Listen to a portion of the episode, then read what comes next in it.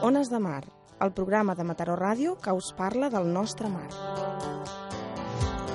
Ones de Mar, el programa de Mataró Ràdio elaborat per la Societat de Pesca i Activitats Subaquàtiques. Bon dia. El fet de respirar és, per a gairebé tothom, un dels símptomes de la vida. És el primer que fem quan naixem, una alenada ben forta que ompli els pulmons per primer cop amb la mescla gasosa que ens acompanyarà fins a l'últim moment. Malgrat això, hi ha qui ha transformat en esport el fet de no respirar. La pràctica de l'apnea és tot un món, molt més complex i fascinant del que, pot, del que pot semblar a tothom que no el coneix. En parlem amb l'Aleix Segura, subcampió mundial d'apnea estàtica amb una marca personal de 9 minuts i 27 segons. Bon dia, Aleix. Bon dia. 9 minuts i 27 segons sense respirar. Mm, això com es fa? Es fa, es fa entrenant, es fa com en gairebé tots els esports, fent més que el que vulguis fer en competició, en aquest cas aquests 9 minuts i 27 segons. N'has de fer més en entrenament i per tant després et sortiran quan tu, quan tu necessitis. Més en entrenament. I tant, clar, no pots esperar a tenir el millor dia de la teva vida el dia de la competició. O sigui, ens estàs suggerint amablement que quan entrenes aquesta marca la superes. Sí, no sempre, però és que no és una qüestió meva, vull dir, qualsevol, qualsevol esportista t'ho dirà. Bé, a mi 9 minuts, 27 segons, ja em sembla una exageració, ara que em dius això. Eh, la marca que puguis fer en un entrenament ja no sé com qualificar-la. Bueno, s'ha d'anar evolucionant en paral·lel una cosa i l'altra. Ets subcampió del món, entre d'altres entre d'altres títols o, o, o marques o, Sí, sí. o d'això. Si competissis en Fórmula 1, mm, series Fernando Alonso, per posar l'exemple. Si juguessis al futbol, estaries pràcticament com si fossis un Messi. Com, com te sents? O, o què et fa pensar? O com t'altera la vida el fet de saber que en la teva disciplina tens aquest nivell? Poc, poc. Pensa que en aquests casos són esports mediàtics i són esports no atlètics. Llavors, què vol dir? Que mm, ells tenen un, uns objectius que va per resultats. Nosaltres anem per marques. Llavors, jo no considero que he arribat enlloc. Jo haig de seguir millorant, com, com qualsevol esportista que fa atletisme en terra o que nosaltres el fem al mar. Mm -hmm. Bé, molt bona resposta. de tota manera, mm, clar, vull dir, tu vius d'aquesta manera perquè estàs immers en aquest tipus de competició, però suposo que, per exemple, al teu entorn, eh, amics, família, gent coneguda que, que no estan immersos, es deuen sentir una mica com, com em puc sentir jo ara mateix o, o les persones que ens estan escoltant. Mm, De tothom que hi ha en el món, ets el segon en alguna cosa. Vull dir que s'entén que tu visquis així, però també has d'entendre que els que estem a fora haguem de mirar cap en l'aire, no?, per, per entendre això. Un busca resultats i contextualitzar, i per tant, bé, un mundial és una bona manera de contextualitzar, però jo et diria que tots els apneistes, els que practiquem l'apnea com a esport, medim més marques que, que no pas rivalitats amb els companys, és a dir, que busquem el nostre propi resultat. Entesos. Uh, com defineixes l'apnea? Bueno, és... O, o què és per tu? Com et deia, és un esport atlètic, i per mi és l'expressió del màxim rendiment atlètic sota l'aigua, subaquàtic, i Quan,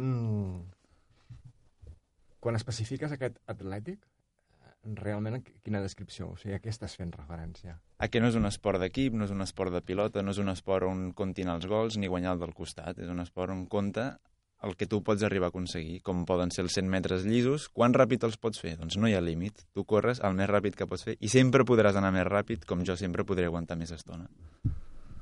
Això és el que et venia a dir. Després, bueno, ho medim amb diverses, eh, amb diverses magnituds.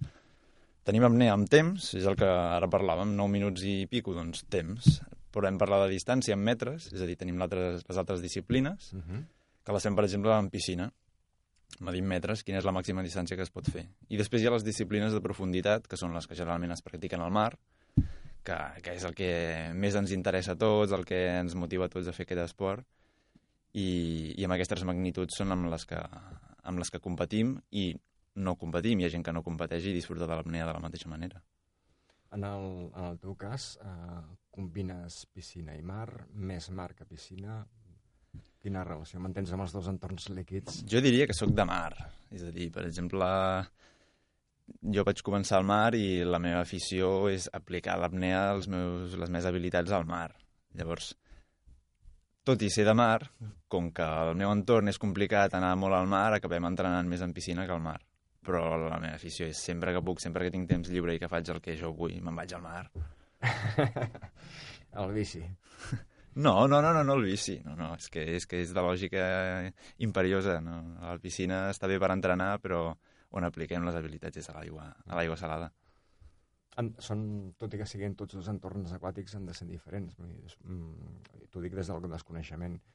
La piscina és un entorn pausat, sense corrents, amb una temperatura constant, sense onades, i el mar fa la sensació que és com més brau. El mar està subjecte a moltes coses, al temps, a com estiguin les corrents, a, i aquí passi amb la barca per sobre. Però sí, és una manera... A la piscina tu busques les condicions idònies per treballar i al mar després t'has d'adaptar sempre, sempre. Uh, com comença la teva relació amb el món de l'apnea? O amb el món del mar i del mar a l'apnea, com vulguis? Comença com tanta gent, jo crec. És a dir, a, l'aigua, sobretot a l'estiu, i, i passant hores de petitet a, al mar. Eh? Jo crec que tothom que li agrada molt el mar, tard o d'hora, intenta estar dins del mar, i això implica o apnea o altres múltiples activitats. Però crec que l'apnea ronda al cap de tothom que, que passa moltes hores al mar. I així va ser, i així va ser. Eh, de fet, en general, les, les primeres incursions de pràcticament tothom acostumen a ser amb unes ulleres baratetes, unes aletes baratetes, amb relativament pocs anys i intentant... I, i tremolant molt, i tremolant molt, sí, intentant sí. veure alguna cosa, o, clar, quan ets canalla, o agafar alguna cosa, mm, pràcticament tothom ha començat per aquí, no? I quan, de, quan érem, de quan érem nanos. Sí, amb l'apnea també hi ha un petit sector de gent que ve més de, de l'esport de natació. Però generalment som tot gent que, el mateix cas que et deia ara, eh? gent d'aigua de, de mar i de disfrutar de l'aigua salada. Tot i que ara hi comença a haver algun. Hi ha, per exemple, alguna gent que ha vingut d'esport olímpic, de fet algunes olimpiades, que està ficada amb apnea. bueno, és una manera de diversificar la seva activitat a la piscina, però, però no, no, jo crec que la gran majoria som d'estar de, a l'aigua de mar. En la, la teva relació amb, amb l'apnea, què, què representa? O sigui, com, com, com es viu una vida normal, normal en el sentit convencional de l'expressió, però vinculada a un esport com aquest? Sí, no és un esport ara mateix molt professional. Hi ha quatre professionals que es busquen els seus sponsors i els seus muntatges de vida i que viuen d'ensenyar l'apnea, però en general no és un esport professional i per tant nosaltres tenim el nostre dia a dia, les nostres professions i, i això és bàsicament una qüestió amateur que cadascú porta el nivell que pot, però vida normal absolutament, entrenament fins i tot et diria que no massa, no, no cal exagerar. Hi ha gent que entrena molt, molt fort, jo, per exemple, no sóc de posar-hi tantes hores. Hi poso motivació, molta, però no hi poso tantes hores. Aquest no tantes hores, quantes hores són? Doncs mira, tradicionalment feia un entrenament a la setmana. I són poques, són poques. Sembla realment. que sí, no? Sí, el que passa que si realment comences a comptar... Ara, per exemple, començo a fer alguns dies de piscina, un dia afegit. Després, al cap de setmana, potser te'n vas al mar. Després, quan et comences a plantejar de competir, fas una miqueta de pretemporada, fent una miqueta de córrer, de condicionament físic. Si comptes les hores al final que dediques, són hores, però no és un esport d'aquests que fan doble sessió matí i tarda ni res d'això. Suposo que alguna pràctica esportiva que, no sé, que fos molt exigent amb el cos, que necessitessis molta musculatura, molta resistència o molt no sé què, sí que sí que seria més exigent, que seria més demandant quan entrenament. En el vostre cas, quin, quin és el secret de poder fer un esport atlètic com tu has definit, però que a la vegada no requereixi una sobrecàrrega d'entrenament? Penso una part és estar quan t'apropes en els límits. És a dir, jo, per exemple, que m'agrada més la disciplina de temps, l'estàtica, no és tan física. Sí que hi ha una component física, eh? però potser no ho és tant com podria ser eh, la profunditat sense aletes, que has de nedar a braça i baixar tants metres com puguis. Aquí sí que el físic entra més en joc, tampoc et diria que hagis de ser un superatleta, però quan estem parlant de gent, per exemple, que s'apropa als rècords del món, aquesta gent sí que han de treballar moltes hores, tant a l'aigua com al gimnàs, com dedicar-se fins i tot té fisioterapeutes. Sí que quan comencem a entrar als matisos dels límits de buscar les grans marques sí que han de tenir un condicionament físic bastant específic. Però en en el vostre cas, mm, allò, una, una bona dieta, una certa tonificació muscular que es pot exigir qualsevol esportista i, i pel que dedueixo mm, no gaire cosa més. Bueno, els que se dediquen en sèrio sí que tenen la seva ciència. També podríem dir que no és un condicionament muscular així general, és un treball anaeròbic, és a dir, que hem de consumir el mínim d'oxigen i hem de fer treballar el cos amb pocs recursos d'oxigen. I això sí que es pot treballar, es pot treballar i és durillo, de fet. La gent que, que ho fa, sobretot a l'aigua, però hi ha gent que fins i tot treballa amb apnea fora l'aigua. I això complica, complica, és dur i, i necessita, necessita hores i molta motivació. Què, què et va fer eh, en decidir-te precisament per aquesta especialitat? pues, que és la que més pots disfrutar al mar. És a dir, al final les disciplines de distància mm, són disciplines molt físiques i que no duren tanta estona ni et permeten estar el medi aquàtic tanta estona. A la gent que ens agrada estar hores al mar, clar, no és el mateix fer una baixada de dos minuts, per molt intensa que sigui, que poder fer baixades llargues, estar-se al fons. A mi, per exemple, m'agraden també la pesca submarina, és una altra activitat que es practica al mar en apnea totalment i, i clar, m'ajuda una cosa a l'altra. I és a dir, com, més temps tenim, més el podem gaudir en qualsevol, en qualsevol altra activitat. Ara que, ara que parles de temps, eh, el desenvolupament de la, de la prova. Prenc com a referència el, el, el teu, la teva marca personal. Et lleves, esmorzes, vas anar a la piscina, te prepares, poses a l'aigua, o sigui, fins aquí anem bé.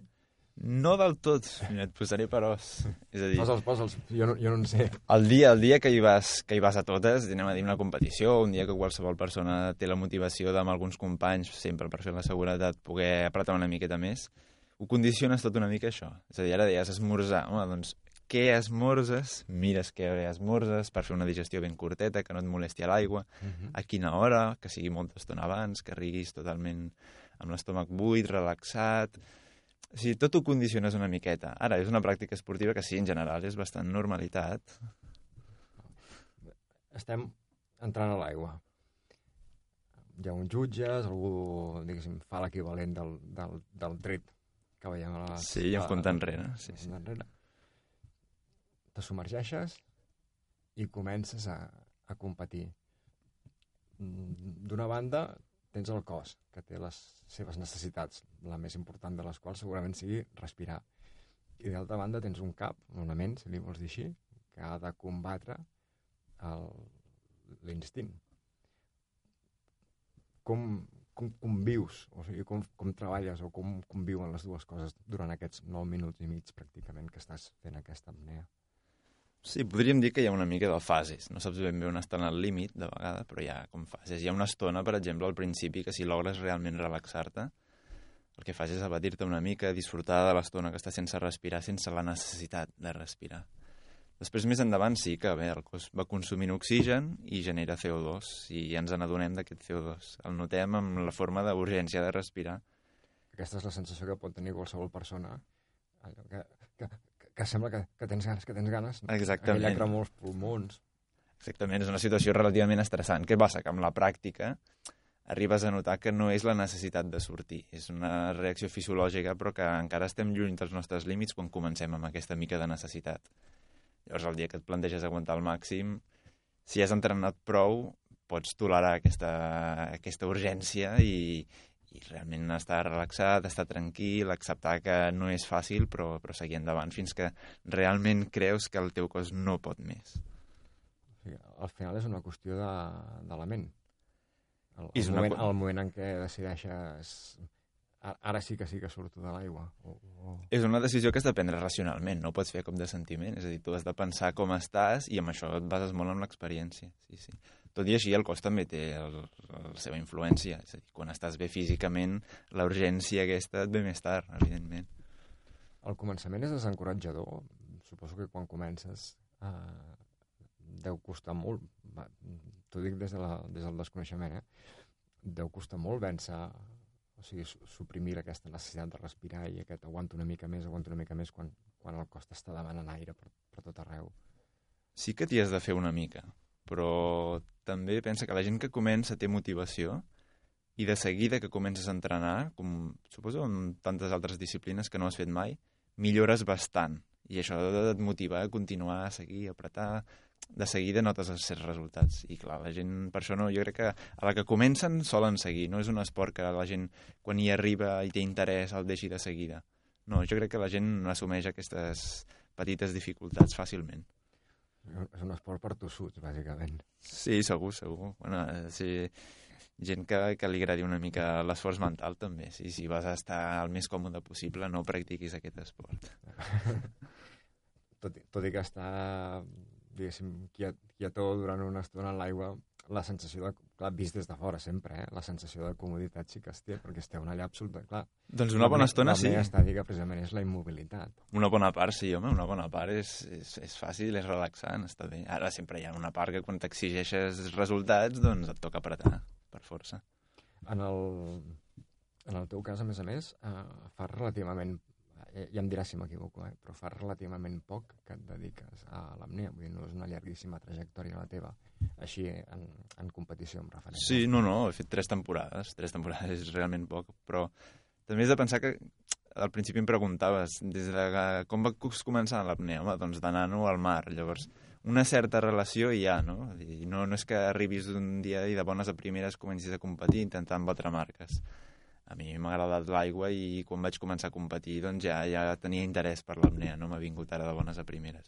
Però sí, sí, jo crec que fa poc que he començat i que veurem com va la cosa. Tens la sensació que encara et queda camí per recórrer? Molt, sí, sí. En moltes coses em sento bastant novat, però, però bueno, mica en mica ara he pogut competir i he tingut la sort o l'habilitat d'intentar classificar-me per campionats importants, aprendre de gent que en sap, i, i això m'ha ajudat a evolucionar una miqueta en certa manera, el, i recupero ara la teva definició d'esport atlètic, el fet que en realitat, o si més no, jo ho he interpretat així, en realitat contra qui estàs competint és contra tu mateix. En certa manera, mm, això permet pensar que no, que no hi ha límits, no? Dir que no hi ha, que no hi ha aquell punt... Perquè quan siguis el número 1, voldràs ser el número 1 i, i batre el teu propi rècord. És així, és així totalment. Totalment, no... Evidentment, en competicions importants hi ha gent que s'hi juga coses amb les marques, que amb les marques em refereixo de material, que els ajuden, que els sponsoritzen.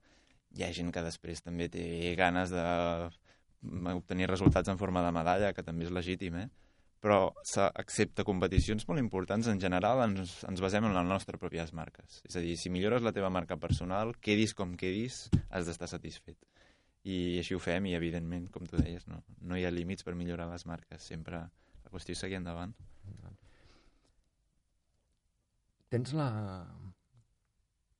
Ens dius que fas apnees per, per entrenament, evidentment apnees per competició, però que també fas apnea per, per plaer. Mm, és possible que en cadascuna d'aquestes situacions obtinguis sensacions molt diferents en el teu, en el teu fet d'estar en l'aigua. Sí, de fet, jo no m'havia plantejat competir, i quan ho he fet, si ho he seguit fent, jo crec que és perquè m'ha ajudat a millorar les marques. Però el dia de la competició, de fet, no és el més divertit de tots, ni de bon tros. Eh, les sensacions en entrenament i en competició són bastant diferents. En competició és com una mica tens, perquè saps que t'hauràs d'autoexigir arribar al límit. En entrenament sempre pots canviar els teus plans, fer unes rutines o unes altres. És a dir, en, en entrenament és més, tot és més divertit i, i per tant, jo crec que la competició és només una manera de constatar el teu progrés, però, però sí, realment, on ens divertim és a l'entrenament o, sobretot, els moments d'oci que, que són principalment al mar, per alguns potser també a la piscina. I quan, quan, quan estàs, diguéssim, alliberat de, de la, del fet d'haver d'entrenar o del fet d'haver de competir, en el teu racó, en, el racó, en un raconet del camp, encara portes un rellotge que et va cronometrant o simplement et deixes anar i gaudeixes de l'entorn? Doncs sí, jo diria que godeixo, no sé si de l'entorn o de la meva activitat en si mateix, perquè de vegades estem una mica ensimismats, no sé. Hi ha una frase cèlebre, em sembla que és de l'Umberto Pellizzari, que és un dels mítics de l'esport, que deia que molts cops quan anem a fer apnea al mar no és per mirar l'entorn, sinó per mirar-nos a nosaltres mateixos. Mm -hmm. Hi ha una mica d'això, és a dir, jo hi ha dies que vaig al mar i, i intento doncs, gaudir una mica del mar que tinc, m'agrada molt la Costa Brava i, evidentment, que, que està per, per buscar llocs sensacionals que hi ha, però de vegades ens en anem, diguéssim, a, a mirar una corda. Direm la corda per entrenar i tens, estàs al millor lloc del món. A mi m'ha passat, vaig fer un viatge a Egipte i estàs en un escull tropical amb un munt de peixets i no hi ha roca en lloc, sinó que tot és escull coralí i el que fas és mirar la corda. És a dir que... I per què això? Perquè al final et vols entrenar i per entrenar necessites unes mesures de seguretat, necessites la línia vertical i busques el teu progrés, busques... Diuen mirar-nos a l'interior, no? Deien Pelitzari, bueno, és una mica metafísic, però sí que busques resultats que et satisfagin a tu mateix més que explorar l'entorn. El que sí que és cert és que uh,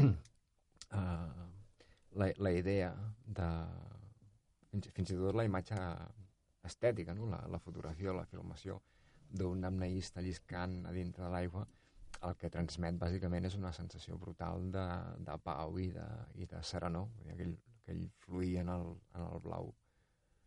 És així, però jo crec que és conseqüència potser del que t'imposa l'aigua, però jo crec que ningú fa apnea perquè sigui espectacular o quedi molt bé, no, no, no. Si, si, si fos una cosa molt, molt més artificiosa, molt menys aquàtica, molt menys fluida, jo crec que ho seguiríem fent. Mm. En el meu cas, és a dir, l'apnea estàtica, que és estar en una piscina aguantant la respiració sense pràcticament moure's, no hi ha aquest component i en canvi la gent segueix, segueix, segueix esforçant-se. El cert és que tal com tu dius, molt de glamour, molt de glamour no, no té. A la piscina, eh? Sí, vull dir, des del punt de vista estètic, eh? evidentment la, la, diguéssim, la provesa no? de mantenir la respiració tant de temps sí que és destacable, però la imatge diguéssim, la filmació, no? la foto que es podria fer mm, no, un bé, senyor en una piscina, una noia en una piscina. Bé, ratifica això que et deia, que en general no ho fem per al que els hi pugui agradar als altres, per l'espectacular que pugui ser, perquè es pugui gravar. No, al final el que ens interessa és la tonteria aquesta de fins on puc arribar. No? Mm. Uh, ens pots explicar com... Perquè és possible que hi hagi molta gent que jo la tinc, que tinc curiositat, en una apnea tan perllongada, com va reaccionar el cos? No et diré en cada moment, perquè clar, serien 10 minuts de conversa i no seria això, no? Però les diferents fases de, del cos mentre està privat d'oxigen. Mira, tenim un bon tros, una bona estona, jo diria la meitat o fins i tot més, depèn una mica de la persona, en què realment és, és una mica el relax, l'evasió, intentar consumir el mínim i això què implica? Doncs, doncs estar molt relaxat, evadir-se mentalment fins i tot. El cervell gasta, i gasta bastant. Gasta bastantes calories, és a dir, el, uh -huh. el cervell consumeix. Llavors, si podem estar tranquils i relaxats, gastarem menys oxigen. Llavors, durant aquesta primera fase, que encara tens bastant d'oxigen als pulmons i a la sang, estem tranquils, estem relaxats. Llavors, sí, fins aquí no hi ha problemes. Fins aquí no hi ha gaires problemes. Quan comencen les dificultats? Quan ens pugen una miqueta els nivells de CO2. Mm -hmm. El CO2 es produeix al fer una combustió. Combustionem, cremem oxigen per les nostres necessitats vitals i, i va pujant el CO2. Hi ha un punt que aquí el cos et genera una alarma. En principi hi ha receptors a les venes, artèries, als ronyons, el cervell et donen notícies de que, ostres, començo a tenir molt de CO2 potser seria bo que anéssim respirant. Féssim alguna cosa, no? Què passa? Que si estàs entrenat, aquest primer símptoma no és el teu límit ni de bon tros. Uh mhm. -huh. eh, aleshores, mm, comença una segona fase que en diuen hipercàpnia, és a dir, tens molt de CO2, molt de carboni a la sang, la sang s'acidifica una mica i, i et ve a dir que, que et dona la primera alarma de necessitat de respirar. Aquí és on comença la fase de lluita. Doncs aquí establiríem una altra segona fase, també llarga. Si, si ho haguéssim de dir, si ho haguéssim de fer minutat, Ara, en quin minut estaríem del procés, aproximadament? Començaríem... És molt variable, depèn de la persona i depèn de com ventili abans d'entrar sota l'aigua. Mm -hmm. Si mhm. hiperventilem, allarguem la fase còmoda i escurcem la incòmoda. És a dir, com més ventilem abans d'entrar, més còmode ens sentirem, menys, menys urgència de respirar, però la necessitat hi seguirà sent. I per tant, quan haguem de sortir, haurem de sortir, encara que estiguem des de fa molt poca estona en senyals d'urgència. Llavors, en el meu cas, per exemple, anem a posar números reals. Si estem parlant de 9 minuts, sí. doncs potser cap als 6 comença ja la necessitat de... Aquí és on apreta. Aquí és la primera idea de, ostres, eh, hauria de sortir per estar més còmode, però evidentment saps que la teva motivació et portarà més lluny. Sí, sis minuts, o sigui ja portem sis minuts sense respirar. Sí, en un dia bo es pot dir que sí, sí, sis minuts tranquil·lament. Què passa? Que llavors ja comença la fase més fotuda, és on has de posar la força mental i el coneixement de que pots superar aquestes marques i això implica experiència, eh? no ho fem de bones a primeres. Aquí començaríem ja a patir i a haver contraccions diafragmàtiques. Què vol dir? El diafragma, que és el múscul que tenim a l'abdomen, El que ens fa el cinglot. això mateix, i que ens controla part del moviment dels pulmons, doncs el diafragma es fe, comença a fer petites contraccions. Generalment, eh? hi ha alguna persona que diu que no ho experimenta, però en general és així. I això ens dona la senyal d'aquesta, ostres, la sensació de necessito respirar. Que és com si volgués omplir els pulmons o, Sí. o si estirés cap avall per omplir o... És un acte reflex, Uh -huh. per tant, el podem controlar relativament i, i bé, eh, és el que et fa entrar en aquesta segona fase de més complicacions, dèiem hipercàpnia, que potser et portaria d'aquests 6 minuts, anem a dir, fins als... anem a dir, la següent fase, fins als 8, 8 i mig. Uh -huh. Aquesta estona has d'estar aguantant. En aquí sí que ja... O sigui, en aquí ja estàs lluitant És una qüestió de lluita, motivació personal, sí, i segueixes. I l'última estona és el que en diem una fase d'hipòxia. Que, què vol dir? Doncs que comença a faltar molt d'oxigen i sobretot quan t'apropes als límits pots arribar a sentir una miqueta aquesta falta d'oxigen. Fins i tot una falta de nitidesa a la visió, bueno, hi ha diferents petits símptomes, senyals, Mhm. que t'adverteixen de que has de sortir. De que ara realment sí que estàs en el teu límit. Exactament, que ara ja no és una qüestió de motivació, sinó és una qüestió de necessitat fisiològica i mental al capdavall perquè tot valora. I en aquest ja, aquí sí que és recte final. Recte final, identificar aquests senyals i quan tens ben clar que ja estàs apurant molt, sortir. Sortir i sortir el millor que puguis. El, eh, documentar, documentar una miqueta, eh, he vist que hi ha com dos termes o dos conceptes que feu servir a vegades, o que no sé si és argot vostre. Un és la samba Sí. i l'altre el, el blackout, que jo he interpretat com una mena de desmai. Sí, sí, sí, és així, literalment. I què són cada cosa? Són conseqüències de quan ultrapassem una mica els límits. Per exemple, en el cas de la samba són petits moviments involuntaris, falta de coordinació, que genera quan la hipòxia és ja bastant severa. O sigui, que, el, o sigui que els músculs ja fan una mica el que volen. Sí, sí, no és una qüestió lliure, sinó en general, doncs, costa mantenir la, la, la posició, eh, fem petits moviments involuntaris, que genera, que denota una falta de control del cos. El cos té poc oxigen i ja no treballa tan bé. Uh -huh. I aquest és el pas previ a sofrir un desmai, és a dir, si quan tenim aquests símptomes seguim, eh, arribarem a, al que dèiem, el que en diem un blackout o un desmai, que és una pèrdua de consciència, no quan exaurim l'oxigen, perquè potser eh, tenim el- un blackout, anem a dir, per exemple, una saturació sanguínia d'oxigen del 50-60%, és a dir, tenim molt d'oxigen encara al cos, però el cos no en té suficient per treballar en plenes condicions. Què passa? Sofrim un desmai. Això és important perquè no té conseqüències greus, però què passa si estàs sol? Uh -huh. Si estàs sol, Aleshores les pot tenir. les pot tenir i molt greus. És a dir, si estàs sol i tens un desmai, quedes sota l'aigua. Llavors sí que aquestes reserves d'oxigen que et deia que tenim, potser un 50 o un 60% de la saturació, l'aniríem exaurint fins a tenir problemes greus, com, com la mort si ningú et traiés. Uh -huh. Què passa si estàs acompanyat, com és el cas de les competicions? A l'instant que veuen que tu t'enfonses, pam, t'estiren, et treuen, i normalment l'acte reflex només de sentir l'aire a la cara, al cos, sobretot els receptors que tenim al voltant del nas, la boca, els ulls, la sensació del contacte amb l'aire ens fa reaccionar, i aquest petit desmai, pam, ens despertem. Jo no ho he experimentat encara, però bueno, és relativament comú quan la gent passa una mica els límits. I quan el treus no té conseqüències, però si no el treus és molt, molt seriós. Amb, amb la samba també, o sigui, si la samba aquesta que ens, que ens dius és, és prèvia, de fet, mm, és com la l'última alerta que, que et fa el cos, no? Des, si ho he interpretat bé, vull dir, Sí, des, sí, sí. després d'això ja ve la situació realment. Exactament, és a dir, si arribes a experimentar petites faltes de control motor, aquí està el límit realment, no passis d'aquí perquè el següent pas és un desmai.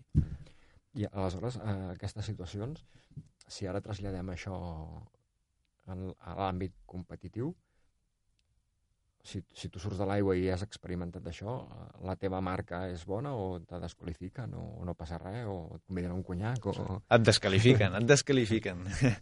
perquè per una lògica bastant, jo penso que tothom pot entendre, és a dir, el que has aconseguit no ho podries reproduir, no, no seria una marca que tu podries fer sol ni, i, que, i que et podria causar la mort. És a dir, hem d'intentar evitar aquesta situació i per això, evidentment, sempre que hi ha un desmai es desqualifica, es desqualifica els esportistes.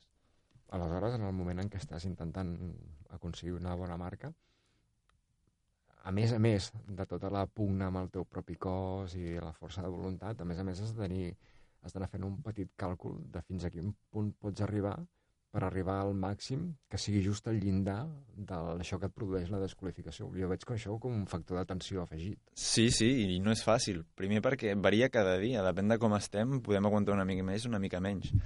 L'experiència dels entrenaments o d'altres competicions et dona referències, però has d'estar molt atent constantment a, a com et sents, com està el teu cos, en un cas límit, com et deia, fins i tot petites eh, mancances que denoten que et falta oxigen. Si arribem a moviments involuntaris, jo diria que això ja és un cas bastant extrem, però jo en general, per exemple, he arribat a notar una mica de falta de nitidesa a la vista. Uh Mhm. -huh. mm, això em dona el símptoma ja de que De que A l'eix ho- ves ho- sortint. Ho deixem per aquí, ho deixem per ara i ja tornem un altre dia. això mateix. Déu-n'hi-do.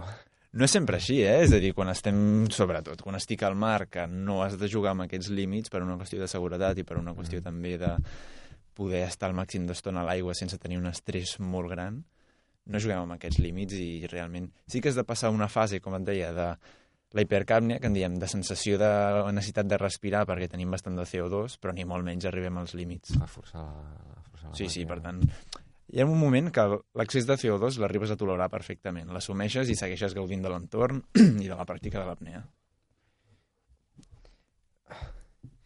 Molta, molta informació, molta informació. Uh, tinc clar que a partir d'un cert punt concentres la teva ment en lluitar contra el teu cos, si, si em permets que ho expressi així.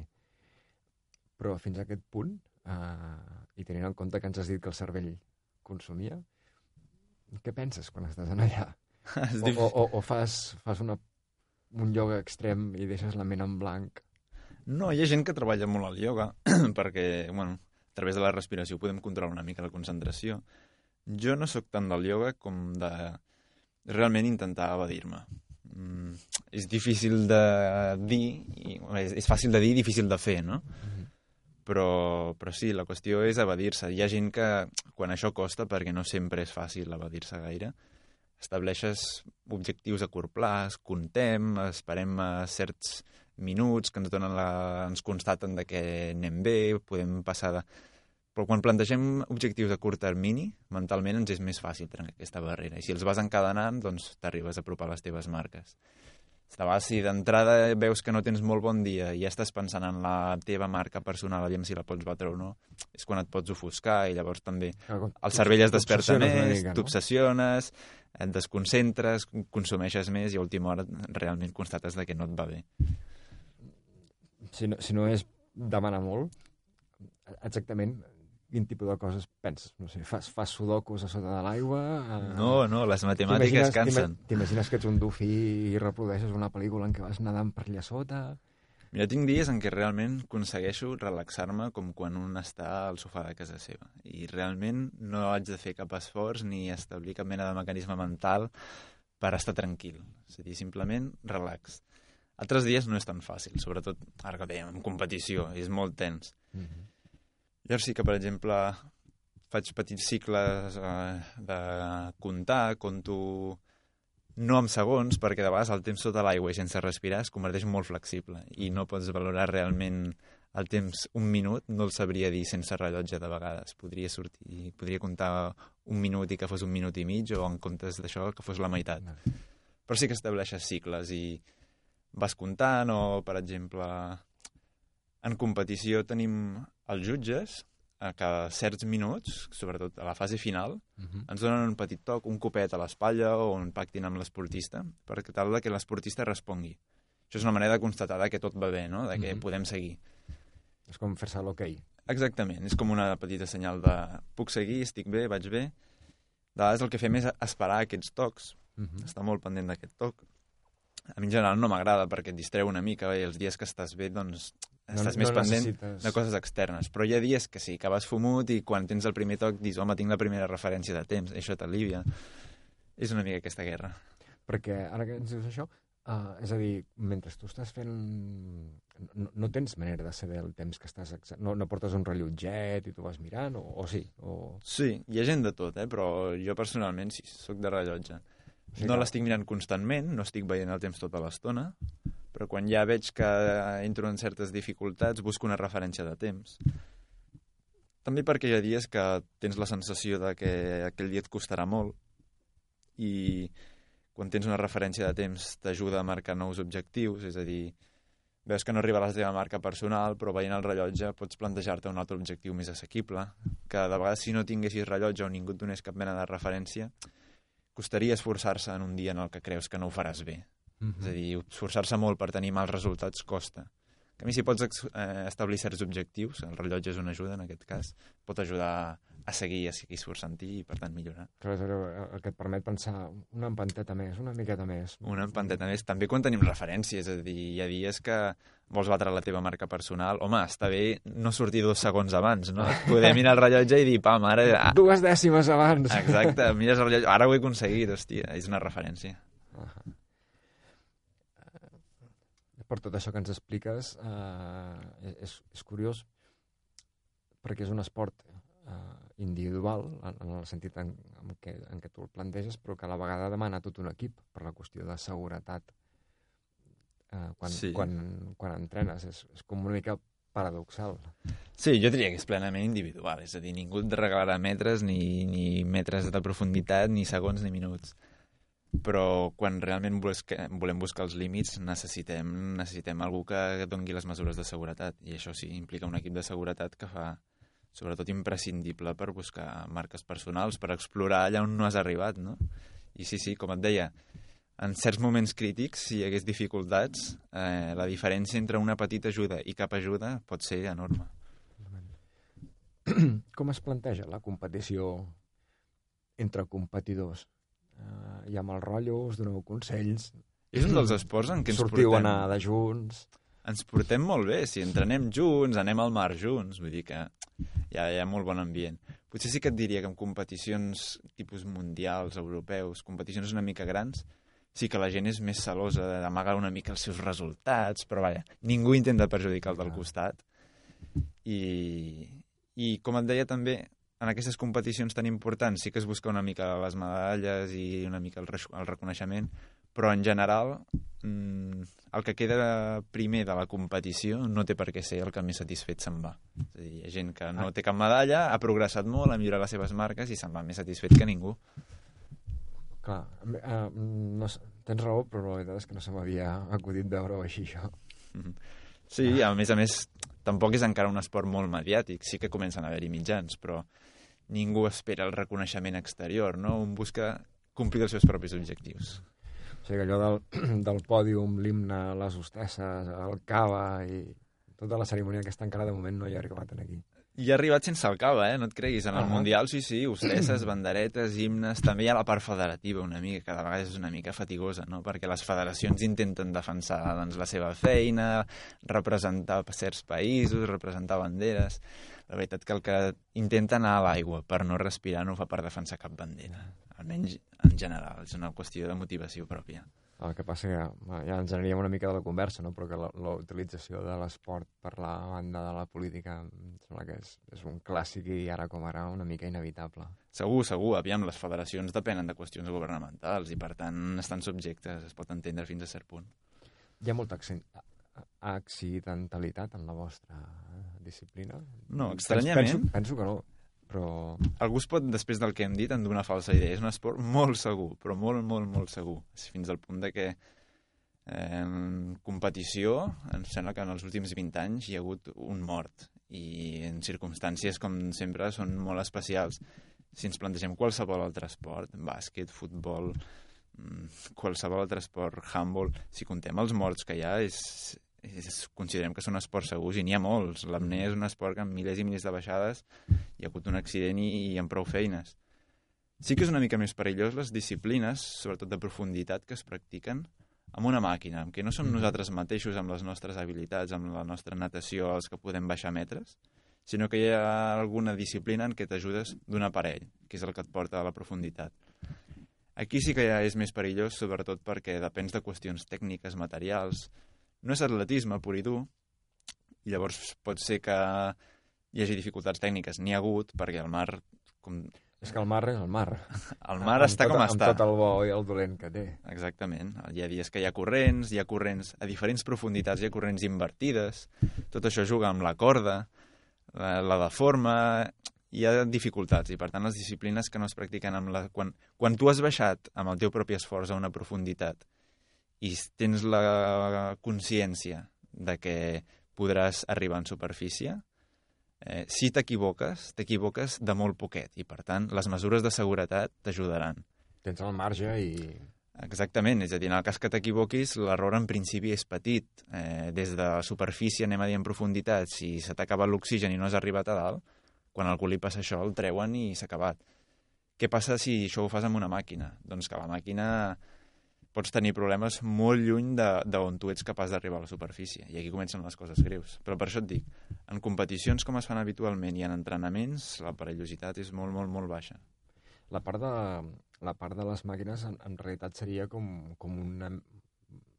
Em corregeixes, eh, si, si, si no és com, com dic, però seria com, com un món paral·lel, no?, en el, de l'apnea que practiques tu.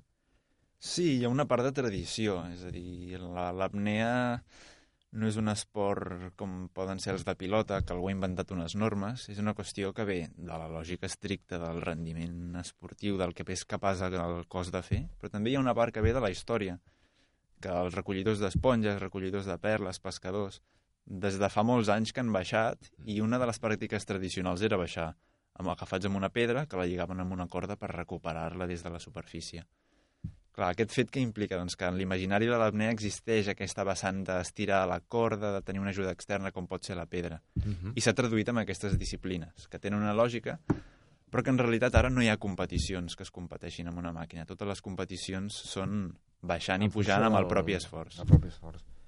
I aleshores, si no són competicions, eh, són això de les màquines, eh, què, què és? Són temptatives de rècord. És a dir, hi ha gent que li agrada oficialitzar aquestes marques i, per tant, a través de la federació o de l'associació internacional s'aconsegueix homologar aquestes marques. Té el seu interès, però diríem que no és pròpiament l'esport que practiquem habitualment. Clar, perquè en realitat deu tenir més a veure amb la capacitat de mantenir la respiració més que no pas amb l'esforç muscular o, o amb la forma atlètica. Simplement és, Sí. és aguantar fins que la màquina arriba a un punt determinat i la pujada. Jo no ho he practicat, però clar, hi ha un factor molt important que és la compensació en el mar. Notem la típica pressió a les orelles, no? Mhm. Això, anar bufant pel nas i apretant, pinçant o amb diferents tècniques pots arribar a compensar aquest aire i seguir baixant. Què passa? Que quan es va molt, molt profund, a l'aire que tenim als pulmons i en el nostre organisme, al sinus, a l'oïda interna, tot aquest aire es va comprimint i cada cop es fa més i més i més difícil poder compensar aquest aire. Llavors aquest és un dels factors amb el que juga aquesta gent. Però bé, és un factor com l'exploració, qualsevol altra exploració, alpinisme, eh, exploració espacial, et diria, té un punt d'experimental i de no estrictament esportiu. Ara fa uns moments has esmentat la paraula mediàtic, eh, per, per dir que no és un esport gaire mediàtic. Ho està començant a ser? No preveieu que ho sigui? Jo crec que això l'esport és el que ho portarà. Ho ha sigut més que ho és ara. Ho ha sigut més que ho és ara. Per exemple, en els antics rècords hi ha personatges que s'han fet una mica emblemàtics perquè s'han mogut molt en l'entorn de la premsa. Jo crec que la gent, els que han tingut una mica de contacte amb l'apnea, recordaran el nom de l'Umberto Pellizzari, Mm -hmm. que encara està, està donant classes. És una- un personatge que va saber cridar a la premsa, de vendre els seus rècords, posar-se publicitat, eh, difondre els vídeos. En aquesta època potser que sí, sí que hi havia certs sponsors de rellotges, de material subaquàtic que hi posaven calés. Ara segueix sent així, però diria que una miqueta menys que t'has de moure molt, també són molta més gent que aleshores, que eren molt poca gent. Ara l'esport està creixent molt, molt, molt, i evidentment els recursos eh, s'exerceixen. s'han de repartir. Però sí, sí, jo crec que dia a dia l'esport creix tant que, que les marques es van incorporant. En el, en, en, el, en el vostre cas, no sé, a, a mi la pel·lícula m'agrada molt, però clar, com a espectador, el gran referent o un dels referents és la pel·lícula de, del Gran Blau, que reprodueix en certa manera el, el duel entre dos apneistes històrics. No sé si vosaltres que, que la veieu, diguéssim, des de la professió, per dir-ho així, considereu que no, que no fa justícia o és un referent vostre que, que mireu quan aneu a l'aigua per... No, és divertit. Jo l'he vista, és una pel·lícula interessant. És un relat, evidentment, no és estrictament el món competitiu. Et dona una idea també molt interessant, que és la competició de l'apnea, que ara podem parlar de qüestions tècniques, però en general que és una qüestió de disfrutar el mar, i els personatges d'aquesta pel·lícula són fanàtics del mar. Mm. I això és una cosa que compartim molts, i aquesta idea la reflecteix bastant bé. O sigui, en, en, en aquest sentit, encara que sigui pel·lícula i espectacular, però que, que considereu que sí que encaixa una mica amb, amb la vostra sensibilitat. Es reflecteix aquest imaginari, potser sí, diria que sí. Uh, estem a la recta final, o sigui que ara estaríem ja passada la hipercàpnia.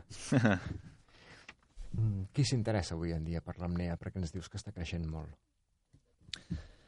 S'interessa gent de mar, s'interessa gent de piscina. Generalment són gent de mar. Eh, gent que li agrada l'esport individual, gent que li agrada el repte personal. Mm, també hi ha una vessant que és que l'apnea comença... s'ha vist de que afecta molts altres esports, i esports que es practiquen en apnea i fins i tot esports que no, esports, hi ha gent del triatló que li interessa explorar-ho perquè fan natació en superfície, eh, el tema de la hipercàpnia, de l'accés de CO2 és compartit en molts esports i la gestió de l'aire es converteix en molts esports i per tant ajuda a molts altres esports, ha gent que s'interessa, però en general és gent de mar, sempre. Gent de mar. Sí. I si tu haguessis de vendre l'apnea, com, sí, diguéssim, ets comercial de l'apnea, com convidaries o quins arguments faries servir a la gent per convidar-la a descobrir-la? Home, l'apnea, primer aplastant, és el millor esport del món. per diversos no hi ha res com tenir les coses clares, eh? No, per diversos factors, perquè hi ha pocs esports que siguin tan exigents físicament, és a dir, arribes als límits del teu cos, fins i tot muscularment pots arribar al fallo muscular, acumulem àcid làctic en els músculs de tant treballar anaeròbicament, com els velocistes es podria dir, i alhora un treball també absolutament mental. Jo diria que no hi ha cap esport, cap esport en què l'esforç mental et condicioni tant i hagis de portar-lo tan lluny, no? Per tant, combina el, el més intens de, dels dos sectors. El missatge ha quedat clar. Uh, nosaltres hem arribat al final d'aquesta edició.